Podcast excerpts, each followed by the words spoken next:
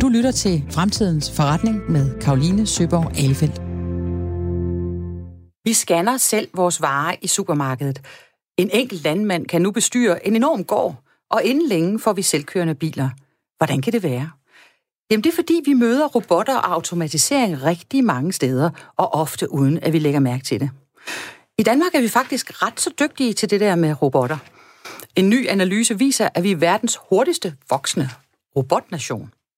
Faktisk er eksporten seksdoblet på bare fire år, og de højteknologiske hjælpemidler efterspørges i høj grad som smartere og visionære løsninger på nogle af fremtidens udfordringer, så der er potentiale for yderligere vækst, hvis vi kan holde momentum. Det skal vi se nærmere på i fremtidens forretning i dag, hvor det også skal handle om, hvem der vinder og hvem der taber, når robotterne rykker ind på vores arbejdspladser. En rapport fra OECD peger på, at omkring 30 procent af alle jobs vil ændre sig radikalt på grund af øget automatisering. Men er det godt, eller er det skidt? Mit navn er Karoline Søborg Alefeldt, og jeg tror på menneskets evne til at vende verdens udvikling. Mine gæster i studiet i dag er Thomas Visti Jensen, som er direktør i Mobile Industrial Robots, AS, også kaldet MIR. Øh, MIR producerer relativt prisbillige robotter til industriel brug på lager og lignende, og er en af succeshistorierne i branchen. Virksomhedens robotter sælges for tiden i omkring 40 lande. Så er det Mikkel Christoffersen, forretningschef i Odense Robotics, der er en paraplyorganisation for mere end 120 fynske robotvirksomheder. 120 fynske robotvirksomheder, det vender vi tilbage til.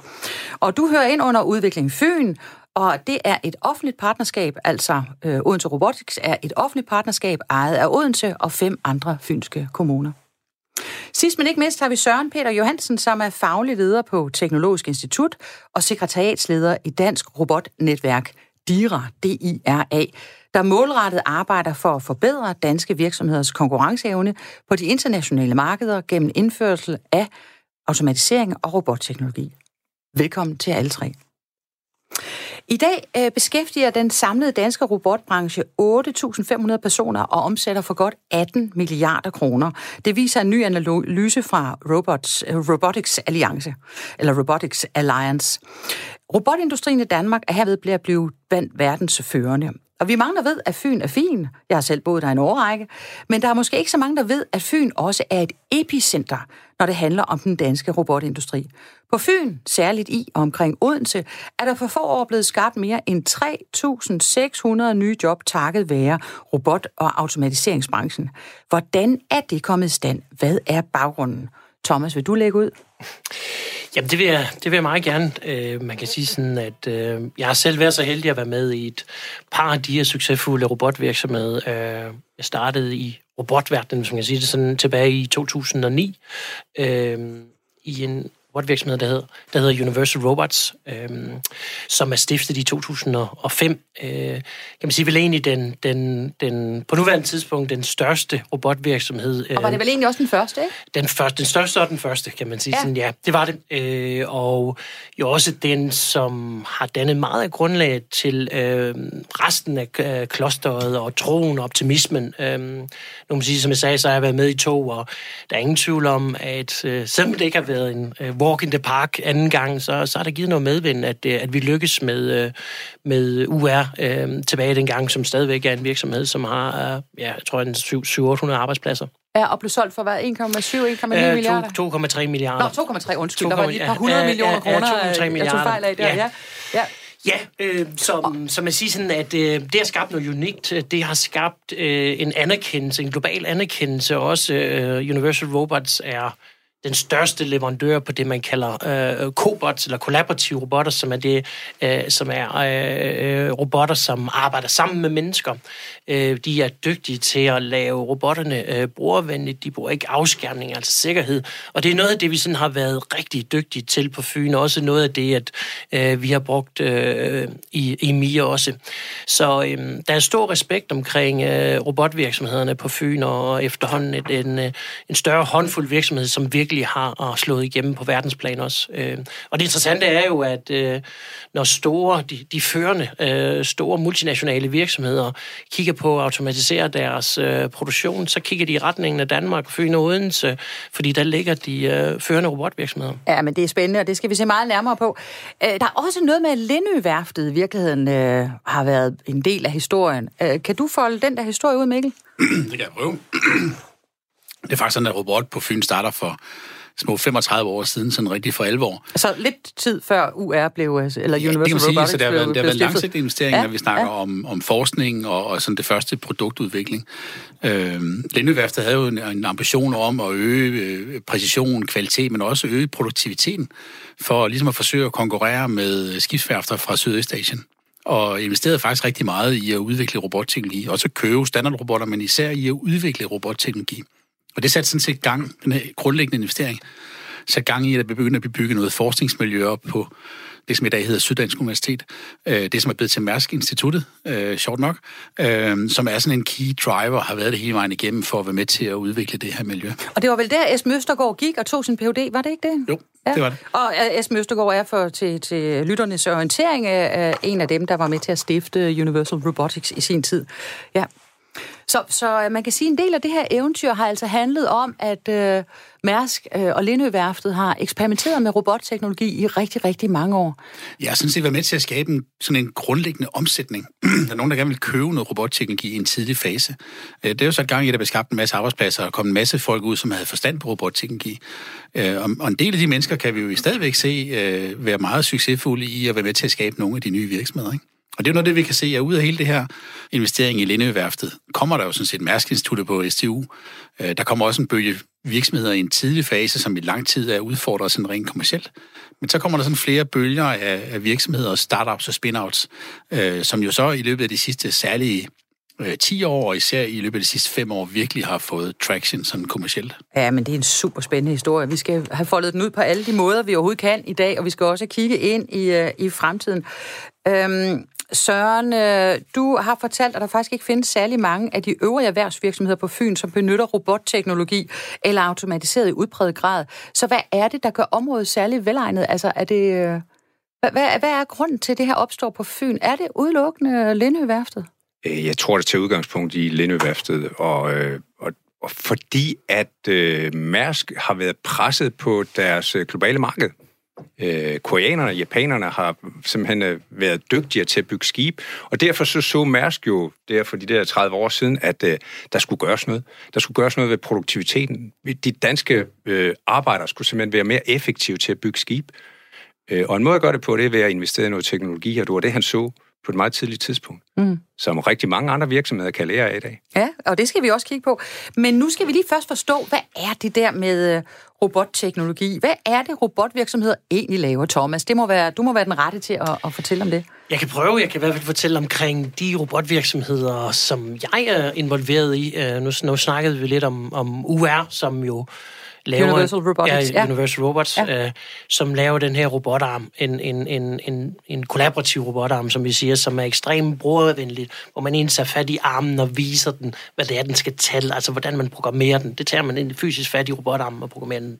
Så det er en måde at gøre det ekstremt øh, brugervenligt. Samtidig med, så kender man sikkert, når man har set robotter øh, for bilindustrien og sådan noget, det er skærmet af øh, med store afskærmninger osv., hvor, hvor Universal Robots så har lavet et system, som gør, at de er sikre, og der ikke er afskærmninger. Dermed gør, at man kan komme tættere på mennesker, man, man, man kan have mere fleksibilitet, man kan flytte robotten op, den bliver mere mobil. Øhm, og så har den så også været, at den har været i et fornuftigt prisleje, som har gjort, at alle de her ting kombineret og givet enorm fleksibilitet, som har gjort, at små og mellemstore virksomheder faktisk også kan automatisere, hvad de faktisk ikke kunne, eller gjorde i hvert fald inden tiden øh, med Universal Robots. Så slår vi så over i, hvor, hvor vi er hen hvor vi er henne med, eller hvor jeg er henne med Mir i dag, øhm, det, er, det er noget helt andet. Det er en mobil robot, som automatiserer intern transport. Øh, vi kender lidt for, for det, vi har set i fjernsynet med autonome biler. Øh, det er egentlig det, vi gør ind i fabrikkerne. Så der automatiserer man egentlig det, at man enten gør manuelt, eller det, øh, truckene gør i dag. Så vi håndterer egentlig og flytter øh, genstanden øh, fra A til B 100% øh, autonom. Det vil sige, at møder vores robotter et objekt, så kører de automatisk udenom. Og hvem er så det, der køber de øh, autonome robotter, der kan køre selv? Jamen, det er øh, store multinationale øh, virksomheder. Det kan, det kan være en Pepsi, det kan være øh, Hyundai, det kan være... Jamen, i Danmark er det også øh, kunder som Kampstrup, altså typiske store producenter. Det er også Ford, det er Toyota. Øh, rigtig meget øh, stadigvæk inden for bilindustrien, som vi ser nogle af de første, der, der prøver kræfter med ny teknologi også. Øh, og, og generelt så tror jeg, at vi er blevet rigtig gode, øh, specielt til det her kollaborative, altså øh, robotter, der arbejder sammen med mennesker på Fyn og skabt noget unikt i forhold til sikkerhed og øh, brugervenlighed, som, som skiller sig virkelig ud fra, hvad man har set tidligere. Øh. Mm, mm. Mikkel, øhm, øh, ny teknologi øh, bliver jo konstant nævnt i sammensætning som grøn omstilling. Øhm, og vi er mange, der sætter vores lid til, at højteknologiske hjælpemidler kan bidrage til smartere og mere visionære løsninger på nogle af fremtidens udfordringer. Hvilken betydning tror du, det har for den vækst, branchen har oplevet inden for de sidste par år? Altså, hvor meget betyder den der bæredygtige efterspørgsel for salget af robotter og efterspørgselen på robotter? Altså, vi, øh, vi arbejder med, med, med alle de her robotautomationsvirksomheder, som jo i mange år har været enormt dygtige til at forklare kunderne, hvor hurtigt er det her anlæg betalt tilbage. Mm-hmm. At den her robot har en tilbagebetalingstid på 6 eller 12 eller 18 måneder, øh, og det giver der jo de, de fordele med præcision og kvalitet og fleksibilitet i din forretning. Jeg tror, vi kigger ind i nu, at rigtig mange øh, robotautomations- øh, og dronevirksomheder, for den sags skyld også, i fremtiden kommer også til at, at være ret gode til at forklare deres kunder og sige, hvad betyder robotter egentlig for, øh, for en række af de her verdensmål. Og der kan vi se, at rigtig mange af de virksomheder, som vi arbejder med i klyngen, øh, de faktisk jo arbejder med arbejdsmål, der handler om, eller verdensmål, der handler om anstændigt arbejde, for eksempel. Robotter er jo enormt gode til at fjerne de der opgaver, som er dull, dangerous eller dirty i produktionen, og som det er rigtig svært at få mennesker til at faktisk arbejde med. Altså selv i det sydlige Kina implementerer de rigtig, rigtig mange robotter, fordi det faktisk er svært at rekruttere folk, der vil lave en poleringsopgave, for eksempel. Mm. Så det er jo et sted, hvor robotter i den grad trækker. Og jeg lige her skyde ind med en lille historie. Jeg har siddet i øh, øh den forrige regerings uh, Disruption-råd sammen med blandt andet uh, Esben Østergaard for, uh, for UR, og han, øhm, øh, han skulle engang fortælle lidt om de her robotter. Så han havde et eneste slide med. Det var et slide, der viste et, øh, et fabriksgulv et eller andet sted i verden, hvor øh, folk stod i, øh, i øhm, øh, kitler og ordnede et eller andet. Man kunne ikke se, hvilken nationalitet de havde. Man kunne bare se, at de sådan ligesom var dækket til og stod ved lange samlebånd og sådan noget. Og så rejste han sig op over for den her forsamling. 10 ministre, en masse CEOs og hvad ved jeg. Og så sagde han, hvem er egentlig robotterne? Og jeg synes, det var lidt spændende, fordi det var jo en kommentar til, at vi i det her industrisamfund, vi lever i, øh, jo har vendet os til, at når man arbejdede på en fabrik, så lavede man mange gentagende ensidige opgaver, tror jeg det hedder. Øh, og det er vel noget af det, som øh, robotterne ændrer for os. Men, men Søren, for nu at blive ved det her emne omkring øh, bæredygtighed, for, hvordan ser du så robotteknologi og bæredygtighedsagendaen spille sammen? Øh, altså nu bæredygtighed, det er mange ting. Men hvis, hvis vi lige skal blive ved for eksempel den grønne dagsorden, så kan man jo sige, øh, havene flyder med plastik. Er det os to, som svømmer ud i en gummibåd og, og samler al plastikken op, eller skal vi have nogle robotter til at gøre det for os? Aha. Ja. Der, der har vi også det eksempler er det, der hedder retorisk spørgsmål. Ja, ja, det, er eksempel, altså det der, som robotter kan, er, at de kan jo arbejde, arbejde, arbejde, arbejde i lang tid. Og, ja. ikke, vi har for eksempel en eksempel der er ikke nogen 11-timers regler og den slags. Ja, præcis. Ikke? Ja. Der, vi har jo et eksempel på en virksomhed, øh, som laver robotter til landbruget øh, drevet af solkraft. Øh, så kører den rundt med 2 km i timen og sår og lurer øh, raps og romarker. Som jo, hvis det er økologisk landbrug i dag, så er det jo en manuel opgave at rende og hakke øh, i de her øh, marker, og hvis det er konventionelt landbrug, så er det jo øh, noget, der, øh, at, at man gør med pesticider. Men den her robot har jo al den tid, der findes i hele verden til at køre rundt og passe de her, den kan passe 20 hektar. Stille og roligt køre den rundt og sørge for, at de her marker bliver sået meget præcist, og det bliver holdt rent for ukrudt hele tiden. Og faktisk har den jo så lille miljøpåvirkning, så de har en historie om, at på den ene robot på den ene mark, var der faktisk en solsort, der byggede en rede i, uh, Ej, i robotten. nu kan vi nu få vi tårer i øjnene her. Ja. Ja, ja, ja. Jeg håber, der er nogen, der var ude at tage det billede, fordi det, det ville have været Instagrammable, sådan, som jeg har lært, det hedder. Søren, øh, du vil også kommentere på det her? Ja, fordi når vi snakker robotter, så snakker vi også skalerbarhed. Det vil sige, øh, hvis nu vi skal øge en produktion rigtig meget på kort tid, så er det svært at hyre folk ind, uddanne dem til det øh, og få nogle folk, som faktisk gider arbejde med det, man gerne øh, vil have arbejdet med. Men der er robotterne, de er rigtig gode. Man kopierer bare robotterne og bygger nogle flere af dem, øh, og så, øh, så har man skaleret produktion. Ja, så det gør det ret nemt. Men det giver også en række udfordringer, og det kommer vi tilbage til senere. Du lytter til Fremtidens Forretning med Karoline Søborg Alefeldt. Ifølge Dansk Industri øh, var øh, markedet for det globale marked for robotter i 2025 op på omkring vil, vil det blive løbe op på omkring 500 milliarder dollar. Det er et øh, utroligt stort øh, tal. Og det øh, marked skal danske robotvirksomheder selvfølgelig have størst øh, mulig del i. Hvordan øh, får I det? Det vil jeg gerne høre med jer. Hvad, øh, hvad tænker I? Øh, nu er I startet godt ud på Fyn. Øh, du sidder derovre, Thomas, med Mia. Hvad øh, set fra, fra din stol, hvad skal der til for at få så stor en andel af det der globale marked og den globale vækst som overhovedet muligt?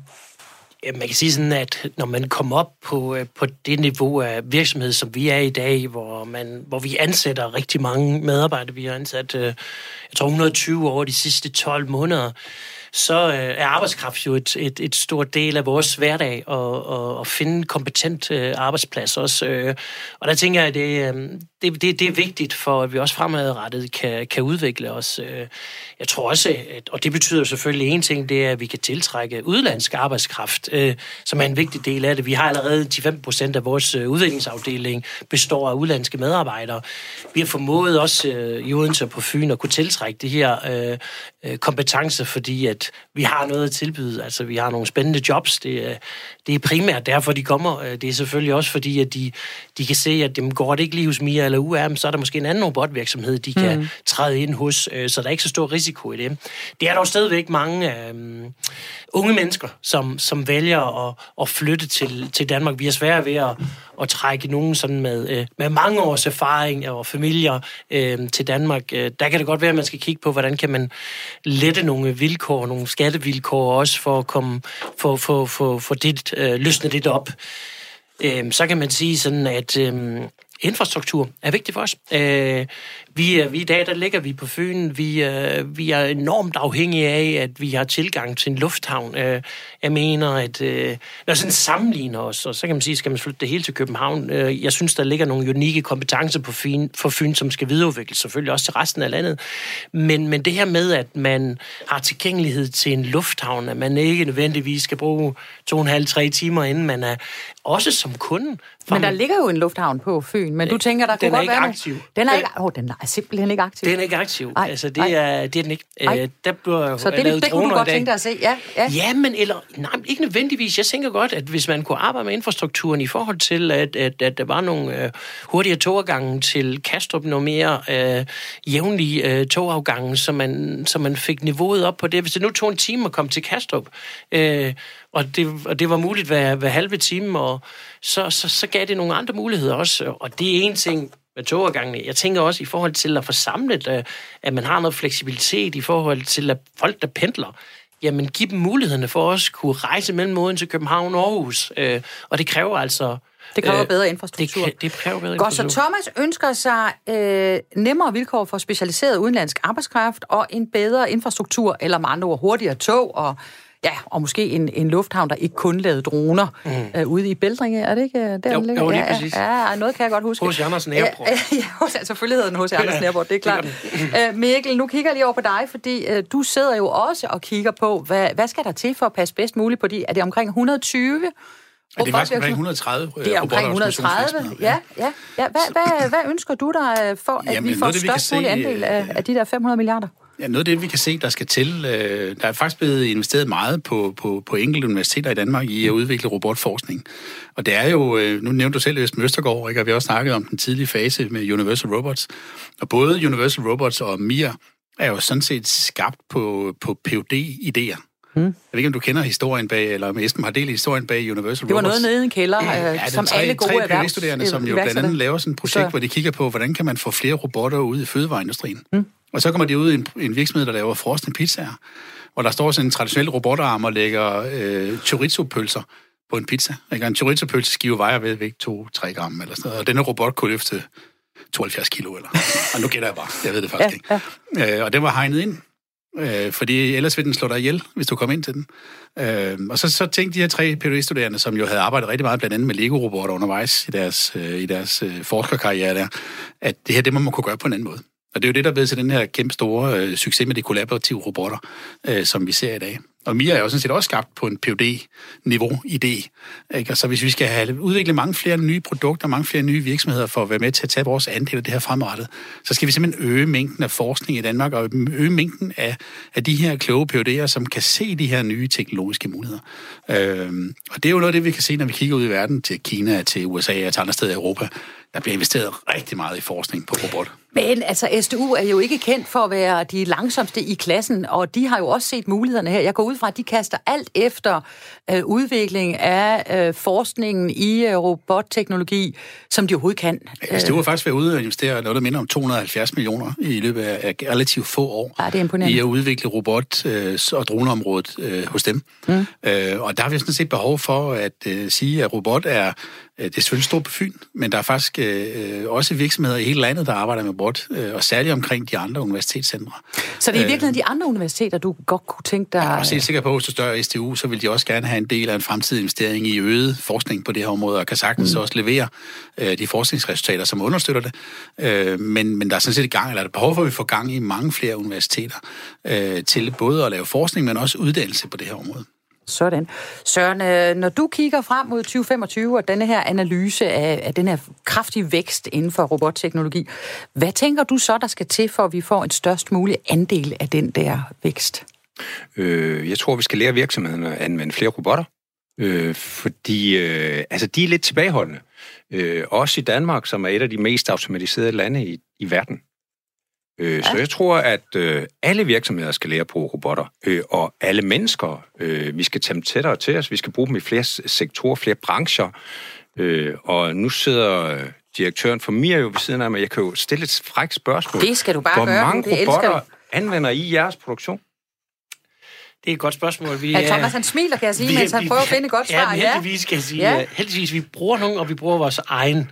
Men uh, nogen, det er jo også to. Uh, så ja, det er, det er sandheden, og det skete øh, inden for en relativt øh, kort periode. Altså, så det er ikke så længe siden, at øh, vi startede med at automatisere vores egen produktion. Og, og ja, jeg er jo enig.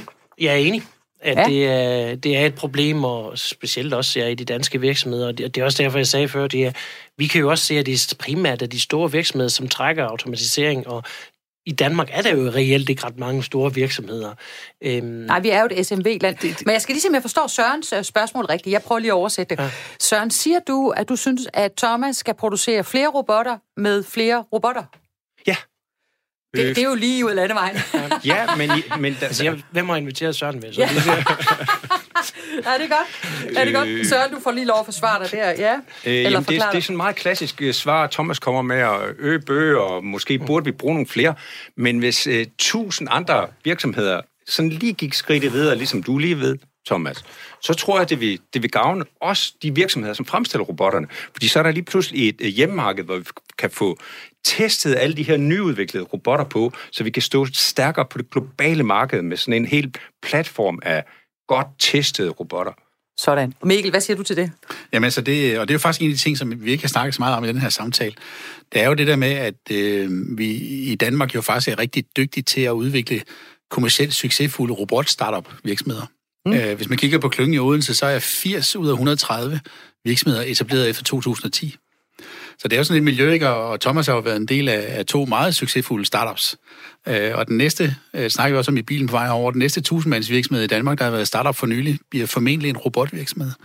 Øh, så og hvis man skal udvikle de her startups i Danmark, så noget af det, som vi skal bruge det Danmark til, det er jo at arbejde sammen med danske produktionsvirksomheder om at være pilotkunder øh, og få testet de her produkter af. Fordi, øh, som du siger, Danmark er et SMV-land, jeg mener, over altså 99... et land for små og mellemstore virksomheder, bare lige for at, at oversætte det. SMV, ja. Præcis, jeg mener, ja. omkring 99 procent af alle produktionsvirksomheder i Danmark er små og mellemstore virksomheder. Ja. Men kigger man ud i resten af Europa for eksempel, så er det faktisk lige så mange af produktionsvirksomhederne derude, som også er SMV-virksomheder. Så kan man lave produkter sammen med danske virksomheder, som dur til produktion i små og mellemstore virksomheder, så har du faktisk også adgang til et ret stort marked derude. Mm. Øh, og derfor så er det vigtigt, at de danske virksomheder de kommer i gang med at bruge øh, så meget som muligt robot teknologi, men sådan set også være med til at udvikle det sammen med de her nye startup-virksomheder. Mm. Men inden vi går videre til at kigge på, hvem der vinder og hvem der taber, når robotterne flytter ind, så skal jeg lige høre, hvorfra er den globale konkurrence størst lige nu? Altså, hvem er det, vi øh, bider skære med derude? Hvem vil svare på det? Altså, jeg kan i hvert fald godt give det er godt, et Thomas. bud på det. Ja. Øh, Kina. Øh, Kina? Ja. Øh, ja. Den kinesiske regering har sådan en ret aggressiv øh, investeringsplan, 2020-2025-plan i forhold til robotautomatisering. Og øh, der ser vi en voldsom vækst af konkurrenter. Øh, det er ikke nødvendigvis helt på de samme kriterier, at, øh, at de byder ind på, altså kvalitet, sikkerhed og sådan nogle ting. De bliver ikke vægtet øh, så højt, men det er klart, at de kommer ud i et andet øh, prisniveau. Øh, i, da vi startede, øh, både i, øvrigt både med UR og med MIR, men da vi startede med, med UR øh, tilbage, i, det har vel været 11 eller sådan noget, med at åbne vores første kontor i Kina, der var vi de eneste producenter af øh, øh kollaborative robotter øh, i Kina. Mit bud er nu, at der er vel mellem 25 og 30 øh, konkurrenter i Kina. Øh, jeg var ude øh, på en messe her for nyligt, hvor jeg gik over til en stand øh, øh, der, med, der, der, der var med en konkurrent til UR, og de hed i øvrigt ikke UR, men de hed RR. Øh, de havde samme produktprogrammer, altså 3 kilos, 5 kilos, 10 kilos. Vi har hørt historien før, ja. ja, ja. ja. Og så, øh, og deres stand mindede jo nægteligt meget om UR's stand også i øvrigt. Og så, så spørger jeg så, om jeg kan få lov at få en demo af de robotter her. Og så siger han så, work similar to you are. Det vil altså sige, han siger til mig, den, den virker på samme måde. Jeg får ikke en præsentation, den siger, jeg virker, den virker på samme måde som UR. Så spørger jeg så, hvad med, hvad med prisen? What about pricing? Så siger han så, half price you are. Altså, det er kommentaren, det er sådan, at, jamen, deres, de, de er så øh, stolte af deres øh, kopiering, at, at det er en del af deres øh, kultur. Øh, og det, man kan også sige sådan, udfordringen for os andre, der bevæger os ud, det er helt klart, det er det største robotmarked. Det er, der er vel 150.000 robotter, der bliver installeret om året i Kina, hvor man kan sige, at Danmark er der 600-700. Så 15.000 mod 600? 150.000. 150.000. Ja. Sådan. Så en tredjedel af alle verdens robotter bliver i dag installeret i Kina. Okay, har vi overhovedet en chance? Jeg synes lige, nu stopper jeg ja. lige kort her. Nu skal jeg lige kigge på de andre.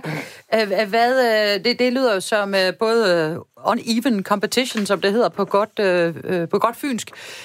Men det lyder også som om, at, at måske får vi svært ved at blive ved med at folde det her danske roboteventyr ud. Søren, du ryster heldigvis på hovedet. Hvorfor ja. gør du det? Øh, jeg tror, vi i Danmark har rigtig gode muligheder for at klare os godt, fordi vi har øh, en masse virksomheder, hvor ledelsesniveauet øh, eller sådan hierarkiet er forholdsvis lavt. Så vi har en masse medarbejdere, som øh, med meget lidt læring faktisk kan øh, bruge de her robotter her. Se, oh, var det ikke manden, der lige for et øjeblik siden sagde, at vi skulle bruge robotter til at bygge robotter med? Men, men, nå, og bygge, lige... men ikke udvikling. Nå, ikke øh, udvikling. Det var godt. Ja, ja men der, der er flere ting i det. Altså, øh, vi skal alle sammen lære at lave noget andet. Mm. Det, det tror jeg, at alle brancher øh, er klar over. Det er vi medarbejdere også klar over. Øh, nogle er lidt, lidt bange for det, men jeg tror, at hvis vi alle sammen lige kravler et halvt trin op af en kompetencestig, så er der plads til de fleste. Sådan, det var et godt udtryk, det der. En, et halvt trin op af en kompetencestig. Den, den øh, noterer jeg lige ned. Ja, fortsæt bare. Øh, og øh, fordi vi har det her, øh, vi har det her lave ledelseshierarki her, øh, så har vi også nogle fagforeninger, som faktisk støtter op om, at vi skal have mere teknologi på arbejdspladsen. Fordi fagforeningerne, som er 3F, Dansk Metal, de har nemlig set, hvad alternativet er til at anvende automatisering og robotter. Det er, at al produktion bliver outsourcet til for eksempel Kina. Øh, så på den måde støtter de op om, at der skal mere teknologi. Politikerne støtter op om det. Vi er selv meget teknologiparate som borgere i landet. Vi ved alle sammen, hvordan NemID, smartphones osv. virker. Så vi er faktisk næsten i stand til at anvende robotter alle sammen. Men de er, der er jo fart på de der kinesere, ikke? Altså, de bygger jo også universiteter, altså hurtigere end øh, jeg kan nå at sige universitet. Øh, og, deres, øh, deres øh, udvikling i viden og kompetencer er jo altså blandt de vildeste i verden. Samtidig har de jo en størrelse, der er også rimelig betragtelig. Så, så Søren, når du nu kigger ud øh, på det, hvad er det, hvad er det så, hvad er vores præcise, kan du indhegne det, hvad er vores øh, konkurrencemæssige fordel? Jamen, jeg tror stadigvæk, at vi, vores arbejdsstyrke, altså alle lytterne her, vi er til sammen mere kreative, end kineserne er, fordi de har en anden kultur. Mm-hmm. Øh, de er ikke uddannet til at tænke selv. De er uddannet til at gøre det, de får ordre på. Det er vi ikke, så vi er mere kreative. Vi kommer faktisk hurtigere frem til nogle øh, løsninger, som kan konkurrere på det globale marked. Både dem, som anvender robotterne, og dem, som skal udvikle den nye. Det er meget interessant, fordi øh, Deloitte er jo kommet med en rapport her øh, for, øh, for nylig, som jo siger noget om, hvad for nogle kompetencer vi skal have i 2030. Og der er tre øh, stærke kompetenceområder. Et af dem er teknologi. Vi skal være gode til alt, hvad der har at gøre med tech. Men de to andre er virkelig overraskende. Det ene er sociale kompetencer. Altså alt det, som man ikke kan med kunstig intelligens og robotter, hvad ved jeg. Det kan vi trods alt ikke kode for. Øh, og det sidste, det er kreativitet. Så Søren, det taler jo meget godt ind i mm. det, du siger, at øh, hvis der er noget, vi skal øh, udvikle os på, og, og blive ved med at sørge for at være et hestehoved foran de andre på, så er det kreativitet. Mikkel, har du nogle afsluttende kommentarer til den her del af, ja, af debatten? Sige, de, de, de danske virksomheder, der arbejder især med kollaborative robotter, har jo stadigvæk mere end 50 procent af en markedsandel på det her enormt hurtigt voksende globale marked.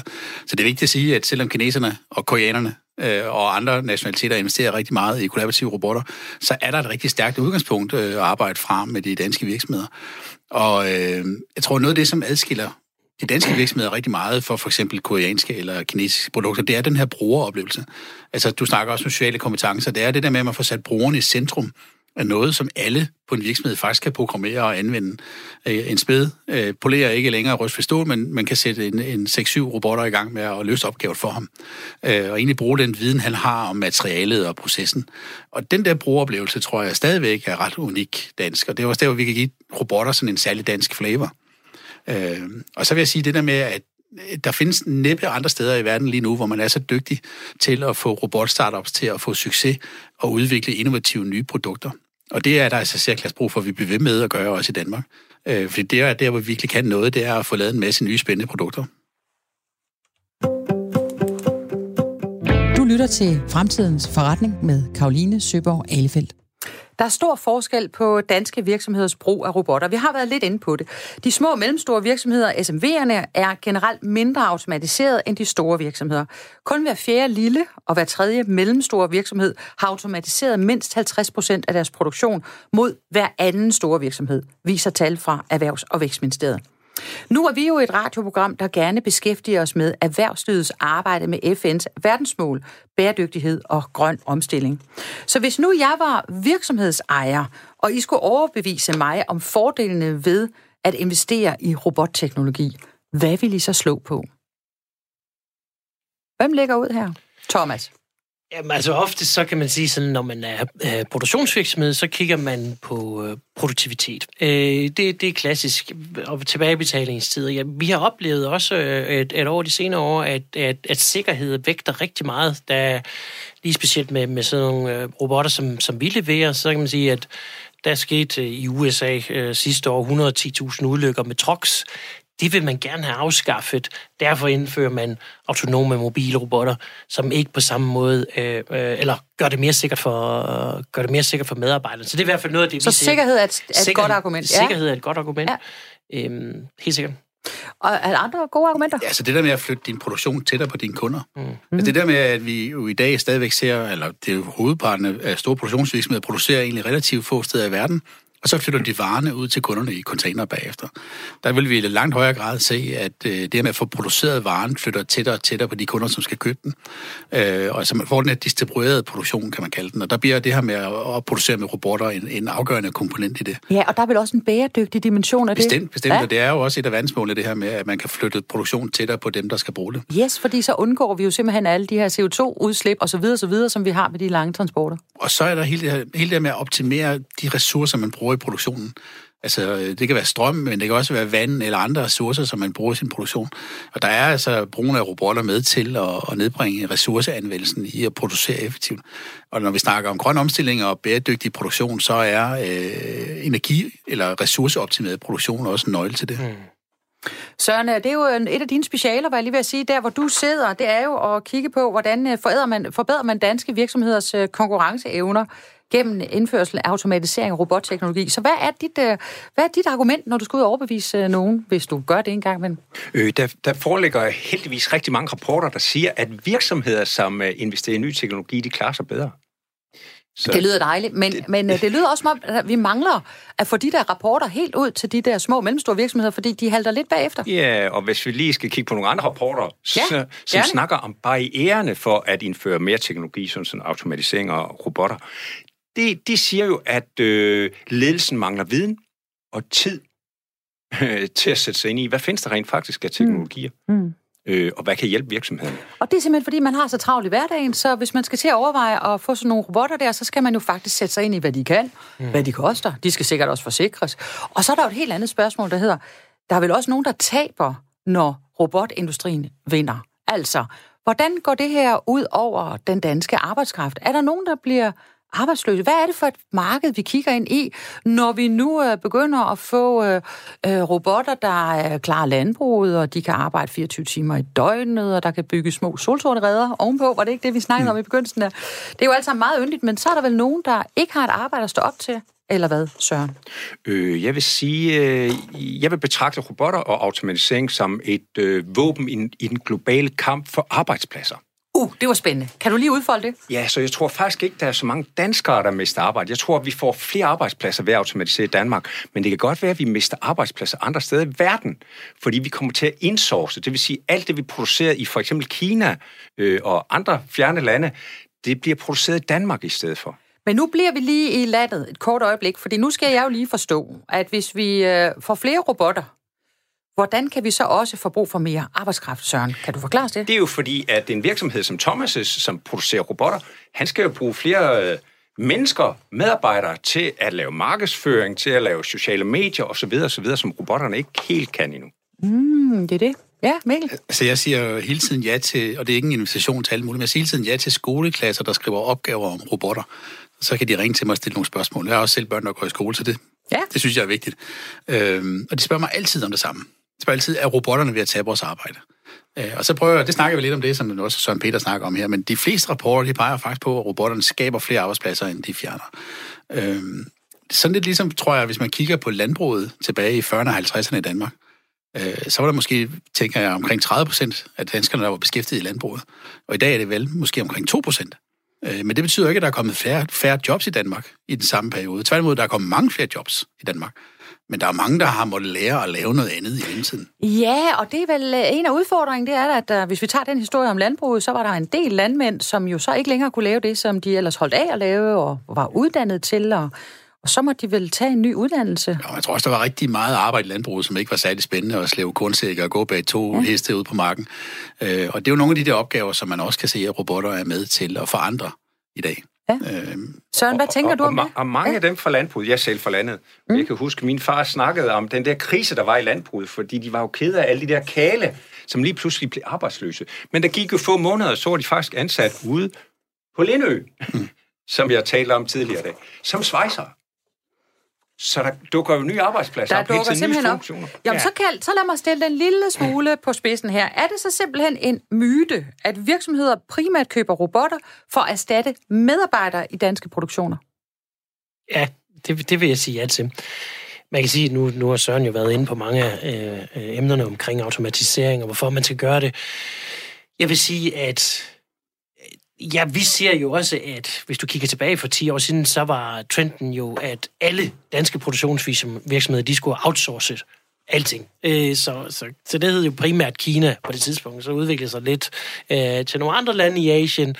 Men de sidste, ja, øh, de sidste 5, 6, 7 år, der har man indset, at det faktisk giver rigtig god mening at have produktion og udvikling samme, i, i samme virksomhed, i, øh, i samme land. Øh, og derfor kan man sige, sådan, så er der kommet en, øh, en tendens til, at øh, alle de danske virksomheder, eller rigtig mange af de danske virksomheder, de bibeholder, de er i stand til at bibeholde deres produktion i Danmark, fordi de automatiserer, og dermed skaber bibeholder nogle arbejdspladser, faktisk også i produktionen, øh, og skaber nogle nye arbejdspladser, fordi de skaber vækst. Altså, det er jo meget interessant. Så vi slår altså lige den her myte ihjel. Robotter erstatter ikke menneskelig arbejdskraft. Den forandrer menneskelig arbejdskraft. Jeg kigger lige rundt i lokalet og ser, om der bliver nikket. Det gør der. Så laver jeg nu et oplæg til det bondede interview, vi har lavet, som vi skal høre om lidt, og som jeg glæder mig til at høre jeres kommentar på. Under rigtig mange af verdens hæve sænkebord og hospitalsenge, der sidder der noget elektronik, som med stor sandsynlighed er produceret af robotter på ALS. Virksomheden Linak har gennem de sidste mange år meget bevidst investeret i robotter. Så meget, at Guderup på Als nok er den by i Danmark med flest robotter per indbygger. Hvem skulle lige have troet det? Linak omsætter for lidt under 4 milliarder kroner, beskæftiger lidt over 2.300 medarbejdere og har også produktion i Slovakiet, USA og Kina, hvor det alle steder er mærkbart billigere at producere end i Danmark. Det er en af årsagerne til, at der skal investeres i robotter og avancerede automatis- automata- automations automata, ej, jeg kan ikke det der, automationsløsninger i Danmark for at fastholde grundlaget for en stor dansk produktion. Det fortæller Egon B. Jensen, der er vicedirektør COO i Linak. Vi kan lave lavere kostpriser. Vi kan forøge vores produktivitet øh, og, og produktionskapacitet. Vi kan lave mere, når vi automatiserer. Altså den vækst, øh, vi har, den vi vil ikke kunne få medarbejdere nok. Så hvis ikke vi automatiserer noget af produktionen, så kunne vi ikke øh, producere så meget i Danmark, som vi gør i dag. Men er det vigtigt for jer at blive i Danmark? I kunne jo også bare have valgt at sige, at vi sender det hele ud. Jamen, vi er danskere øh, og har skabt en virksomhed på Als, og den er vi stolte af. Så øh, vi vil gerne bevise, at vi kan, vi kan producere i Danmark. Øh, al vores produktudvikling øh, foregår her i Danmark, og, og, og det er vigtigt for os, at produktionen er, er tæt på osv., og, og det vil vi ikke ret gerne give slip på. Så vi vil ikke bare outsource til alt til Kina og Slovakiet og andre ting. Kan du prøve at forklare, hvordan øh, robotterne og automatisering her har, har øh, optimeret jeres produktion og omsætning igennem de seneste fem år? Når vi investerer i en robotcelle, så kan vi jo producere et, et produktionsvolumen med måske 50% færre medarbejdere, end vi ellers skulle have brugt. Øh, så kan vi jo øh, producere hurtigere med færre folk. Øh, og det kan jo være med til at skabe vækst øh, i vores virksomhed. Så det er jo et eksempel øh, på, øh, hvorfor vi, vi gør det her. Så hjælper det jo på arbejdsmiljøet. Altså, øh, vi producerer øh, nogle produkter. Hvis alt det skulle foregå manuelt, så er der mange løft. Der er mange, øh, rigtig mange kilo, der skal flyttes øh, hver eneste dag. Og det øh, bliver robotterne ikke så trætte af, som, som mennesker gør. Så der er også en, øh, en, en god påvirkning i vores arbejdsmiljø. Øh, robotterne, de laver tingene på samme måde hver gang. Øh, så, så kvalitetsmæssigt, øh, der har vi færre småfejl ved, at vi producerer automatisk. Men du siger samtidig, at I kan lave mere med færre medarbejdere. Hvordan kan I fastholde arbejdspladser og måske endda skabe arbejdspladser, øh, når I skal bruge færre medarbejdere til at lave mere? Det kan vi, fordi vi øh, vokser som virksomhed. Så vi, vi bruger relativt færre medarbejdere, så vi har, vi har aldrig skilt os af med medarbejdere på grund af automatisering her ved Linak. Øh, fordi vi, øh, vi bliver større og større som virksomhed og skal egentlig bruge flere medarbejdere, men vi skal bruge relativt færre flere medarbejdere ved, at vi automatiserer. Så for jer handler det om at efter videreuddanne dem, I har? Altså den erfaring, vi får med at lave det her, det gør, at medarbejdernes job, de ændrer sig. Så medarbejderne, de er faktisk øh, rigtig glade for, at vi arbejder med ny teknologi. Øh, og de glæder sig over, at det går godt for Linak. Øh, det, det giver noget stolthed. Så der har ikke været Så, modstand fra medarbejderne på den her om, nej, omlægning? Ingen modstand. Øh, overhovedet. Det ville vi have haft, hvis ikke vi inddrager medarbejderne i det her, hvis ikke vi er åbne over for, hvorfor vi gør det her, hvis ikke vi øh, øh, lade dem arbejde med os, og at vi øh, uddanner dem til at kunne arbejde med os med det her, så vil vi da have haft modstand. Men medarbejderne, de øh, kan sagtens forstå, at det her det er en del af den almindelige udvikling i verden, og at vi skal gøre det, der kan skabe lavere priser og øh, værdi for vores kunder, og kan skabe nogle af de resultater, vi jagter for at have en succesfuld virksomhed og en konkurrencedygtig virksomhed. Det er medarbejderne helt med på. Ja, det lyder som øh, vand på øh, vores øh, mølle, det her, øh, som Egon B. Jensen, visdirektør og CEO i øh, Linak, øh, fortæller.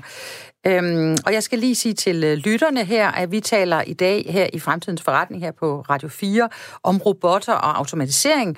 Øh, jeg har besøg af Søren Peter Johansen, faglig leder på Teknologisk Institut og sekretariatsleder i Dansk Robotnetværk. Thomas Visti Jensen, direktør i Mobile Industrial Robots, også kaldet MIR, og forretningschef Mikkel Christoffersen fra Odense Robotics. Når I nu hører den her Linak-historie, så kan jeg se, at I sidder og nikker, og så tænker jeg, øh, altså jævnfør vores diskussion fra før, og vi er jo blevet enige om, at øh, robotter sådan set ikke fjerner, men øh, skaber flere arbejdspladser. Det er lige nok historien også øh, god til at forklare. Og vi har identificeret en barriere, Søren, som du var inde på før, der hedder, det lederne siger, at de der små og mellemstore virksomheder, de mangler tid til at sætte sig ind i det her. Hvad tror du er den korteste vej for en erhvervsleder i en SMV-virksomhed for at forstå, hvad øh, det for eksempel er, de har gjort hos Linak, der, der kan berolige vedkommende til at beslutte sig for at, at investere i, øh, i robotter?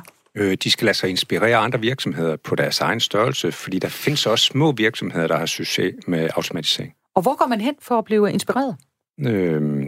Øhm, altså, jeg driver jo et netværk, som har åbent hus ude hos mange små ja, virksomheder. Ja, og du må gerne gøre reklame her, så hvad, hvad, hvad, hvor er det, man skal henvende sig hen, Søren? Øh, åh, de skal bare tage og henvende sig til uh, DIA-sekretariatet, så skal vi nok... DIRAS, D-I-R-A-S? D-I-R-A på den hjemmeside ja. .dk, og så skal vi nok Sådan. tage dem i hånden og tage dem med rundt i landet og se, hvordan man kan anvende robotter rundt omkring. Også på små virksomheder. Det lyder rigtig godt. Det er helt sikkert, at de, vi ser også, at, at, at virksomheden, specielt de små virksomheder, de simpelthen mangler kompetencer. Øh, det er svært, hvis man er en 3-5-10-mands øh, virksomhed, og også har kompetencer inden for automatisering. Og det med at skulle øh, hyre en mand til udelukkende at arbejde med automatisering, kan godt være en, en stor investering for en lille virksomhed. Så, så det er i hvert fald noget af det, at vi også bemærker, at det er, at, at kompetencerne, øh, de, de, de er måske ikke altid til stede. En ting, det er små og mellemstore virksomheder. Vi arbejder også rigtig meget med øh, hospitaler, for eksempel. Der ligger heller ikke kompetencer. Så, så hvis, Thomas, hvis du skal supplere, altså ud over at ringe til Søren ja. øh, og Dira øh, for at blive inspireret, hvad, hvad synes du så, man skal gøre, når man sidder derude og, og mangler de her kompetencer? Jamen altså, øh, jeg, jeg tror helt sikkert også, øh, som, som Søren, Søren siger, det er vigtigt, at man kigger, hvad, hvad, hvilken erfaringer har naboen, er der andre steder, hvor jeg kan sammenligne. Vi kan tydeligt se, at den måde, at de virksomheder, som anvender vores robotter, gør oftest, det er, at de har set, at der er andre, der har succes med det her. Så der er også en opgave for os som robotproducenter, øh, integratorer, som der er rundt omkring i verden, det er, at de får fortalt og får formidlet, hvordan kan man gøre det her, få dem vist, hvordan andre har succes, hvordan har de beregnet deres case i det her. Det er, det er vigtigt, tror jeg, før man beslutter sig endeligt for, at man, øh, man investerer. Det lyder godt. Vi skal lære af hinanden. Det synes jeg er en udmærket konklusion. Nu er vi kommet dertil i programmet, hvor I må øh, få lov at ønske. Det er jo et særligt lille kapitel i øh, fremtidens forretning, at, øh, at jeg altid inviterer mine gæster til at ønske. For, og det handler jo om, at med de her 17 verdensmål, som FN har og sat op, vi skal nå inden 2030, så er der jo en hel del arbejde at gøre. Øhm, og hvis vi skal kigge på robotindustrien, øh, automatiseringsindustrien. Hvad kunne I tre så godt ønske jer af den nærmeste fremtid, som kan hjælpe med at skubbe på udviklingen? Hvor skal der sættes ind, og af hvem? Af hvem? Søren, vil du lægge ud? Mm, ja, Øh, du har nævnt, hvilke kompetencer vi har brug for fremadrettet. Du nævnte blandt andet øh, sociale kompetencer og kreativitet. Jeg kunne godt ønske mig, at der var flere kvinder, flere håndværkere, øh, som begynder at interessere sig for de her teknologier. Kvinder får vi, og håndværkere i samme sætning, ja? Det får vi ja, altså, komma, håndværkere. Det får vi brug for, fordi det er dem, der kender de sociale øh, færdigheder, som robotterne de kommer til at kommunikere med os mennesker meget mere. Det er I kvinder bedre til. Så op af stolen og i gang. Øh, håndværkerne, de kender til de processer, som robotterne skal overtage. Uden dem, så kan vi ikke få sidemandsablæret vores robotter. Sådan. Ja, men det er, det er godt at vide, at øh, kvinder, at vi kvinder har nogle særlige kompetencer, som bliver øh, øh værdisat her i, i fremtiden. Mikkel, hvad siger du? Ja, men der er også mange ting, som man kunne få lyst til at ønske sig, men vi har snakket, altså, vores samtale det har handlet rigtig meget om industrirobotter, mm. som jo også er sådan det store modne, veletablerede marked for robotter, og har været det i starten af bilindustrien for 40 år siden. Øhm, men noget af det, som vi kan se, der virkelig kommer nu, også, også kommercielt, øh, og som vi også er faktisk ret dygtige til at støtte i Danmark, det er de her servicerobotter, som jo ikke bare arbejder med at, for eksempel at løfte ting i industrien eller samle ting i industrien, men som udfører alle mulige former for serviceopgaver. Øh, og når man skal have servicerobotter til at fungere. Der er Mia, og hvad kan det være, for eksempel? Jamen, Mia er jo et rigtig godt eksempel på en servicerobot, som jo, kan man sige, øh, godt nok ofte bliver brugt i produktionsvirksomheder, men som udfører en serviceopgave, en logistikopgave med at flytte ting rundt. Det kan også være den her landbrugsrobot, vi snakkede om tidligere. Øh, det kan også være en robot, som tilskærer gipsplader, sådan så tømmeren han ikke øh, får meget beskidt tøj og kan producere meget mere effektivt, fordi robotten laver hele det der tilskæring for ham. Jeg skal lige spørge dig, kommer den også helt ind i hjemmet? Ser I det? Altså, øh, vi er jo nogen, der med længsel har kigget lidt på sådan nogle semi-sci-fi løsninger med robotter i køkkenet, hvor man yeah. siger bøf stroganoff. Ej, det gør man jo ikke længere. Nu skal det være en vegansk udgave. Men alligevel, så siger man et eller andet, og så laver den der robot noget pragtfuldt. Thomas, hvor lang tid går der, før du kan lave sådan en til mig? Jamen, jeg kan faktisk afsløre, at jeg øh, stod for flæskestegen øh, juleaften, og øh, på min ovn var der et program, der hed Flæskesteg med sprødsvær, og den trykkede jeg på, øh, og det fik jeg. Er det Sådan. ikke fantastisk? Jo, jo. Øhm, så robotter kan også ikke ligne robotter, de kan være gemt i en ovn. Det, det kan ja. de jo rent faktisk. Ja. Altså, jeg tror, man skal, øh, man skal tage roligt omkring det her, fordi at det kommer i et tempo, hvor det kommer ganske automatisk. Så, så det er ikke sådan noget med, at det lige pludselig kommer fra dag til dag. Det er noget, vi oplever som en del af vores hverdag. Sådan. Og Thomas, du skal selvfølgelig også have lov at ønske dig noget. Hvad kunne du tænke dig at ønske dig, og er der nogen, du ønsker det af? Jamen, altså, jeg kunne jo godt tænke mig, nu har vi været lidt omkring infrastruktur øh, tidligere, men også forskning og innovation har vi også været omkring. Det er vigtigt for os. Også vi arbejder rigtig meget med kunstig intelligens. Også det har vi til at starte med i hvert fald selv må udvikle. Øh, og ikke rigtig, der har ikke rigtig været nogen uddannelser, der, der er fokuseret på kunstig intelligens. Så det er noget, vi selv har kreeret som virksomhed. Det kunne jeg godt tænke mig, at der var nogle øh, universiteter, der tog mere hånd omkring, og var sikre også, at, øh, at vi fik noget mere fokus på, på forskning. Sådan. Så er vi kommet til øh, et andet fast element her i programmet, udover at I må ønske jer noget. Øhm, så øh, skal vi også altid lige kigge på ugens erhvervshistorie. Og der har I jo øh, fuldstændig frit lejde til at finde den erhvervshistorie, der har gjort størst indtryk på jer i løbet af ugen. Søren, øh, hvad har du øh, læst på nettet eller i avisen, som har gjort indtryk?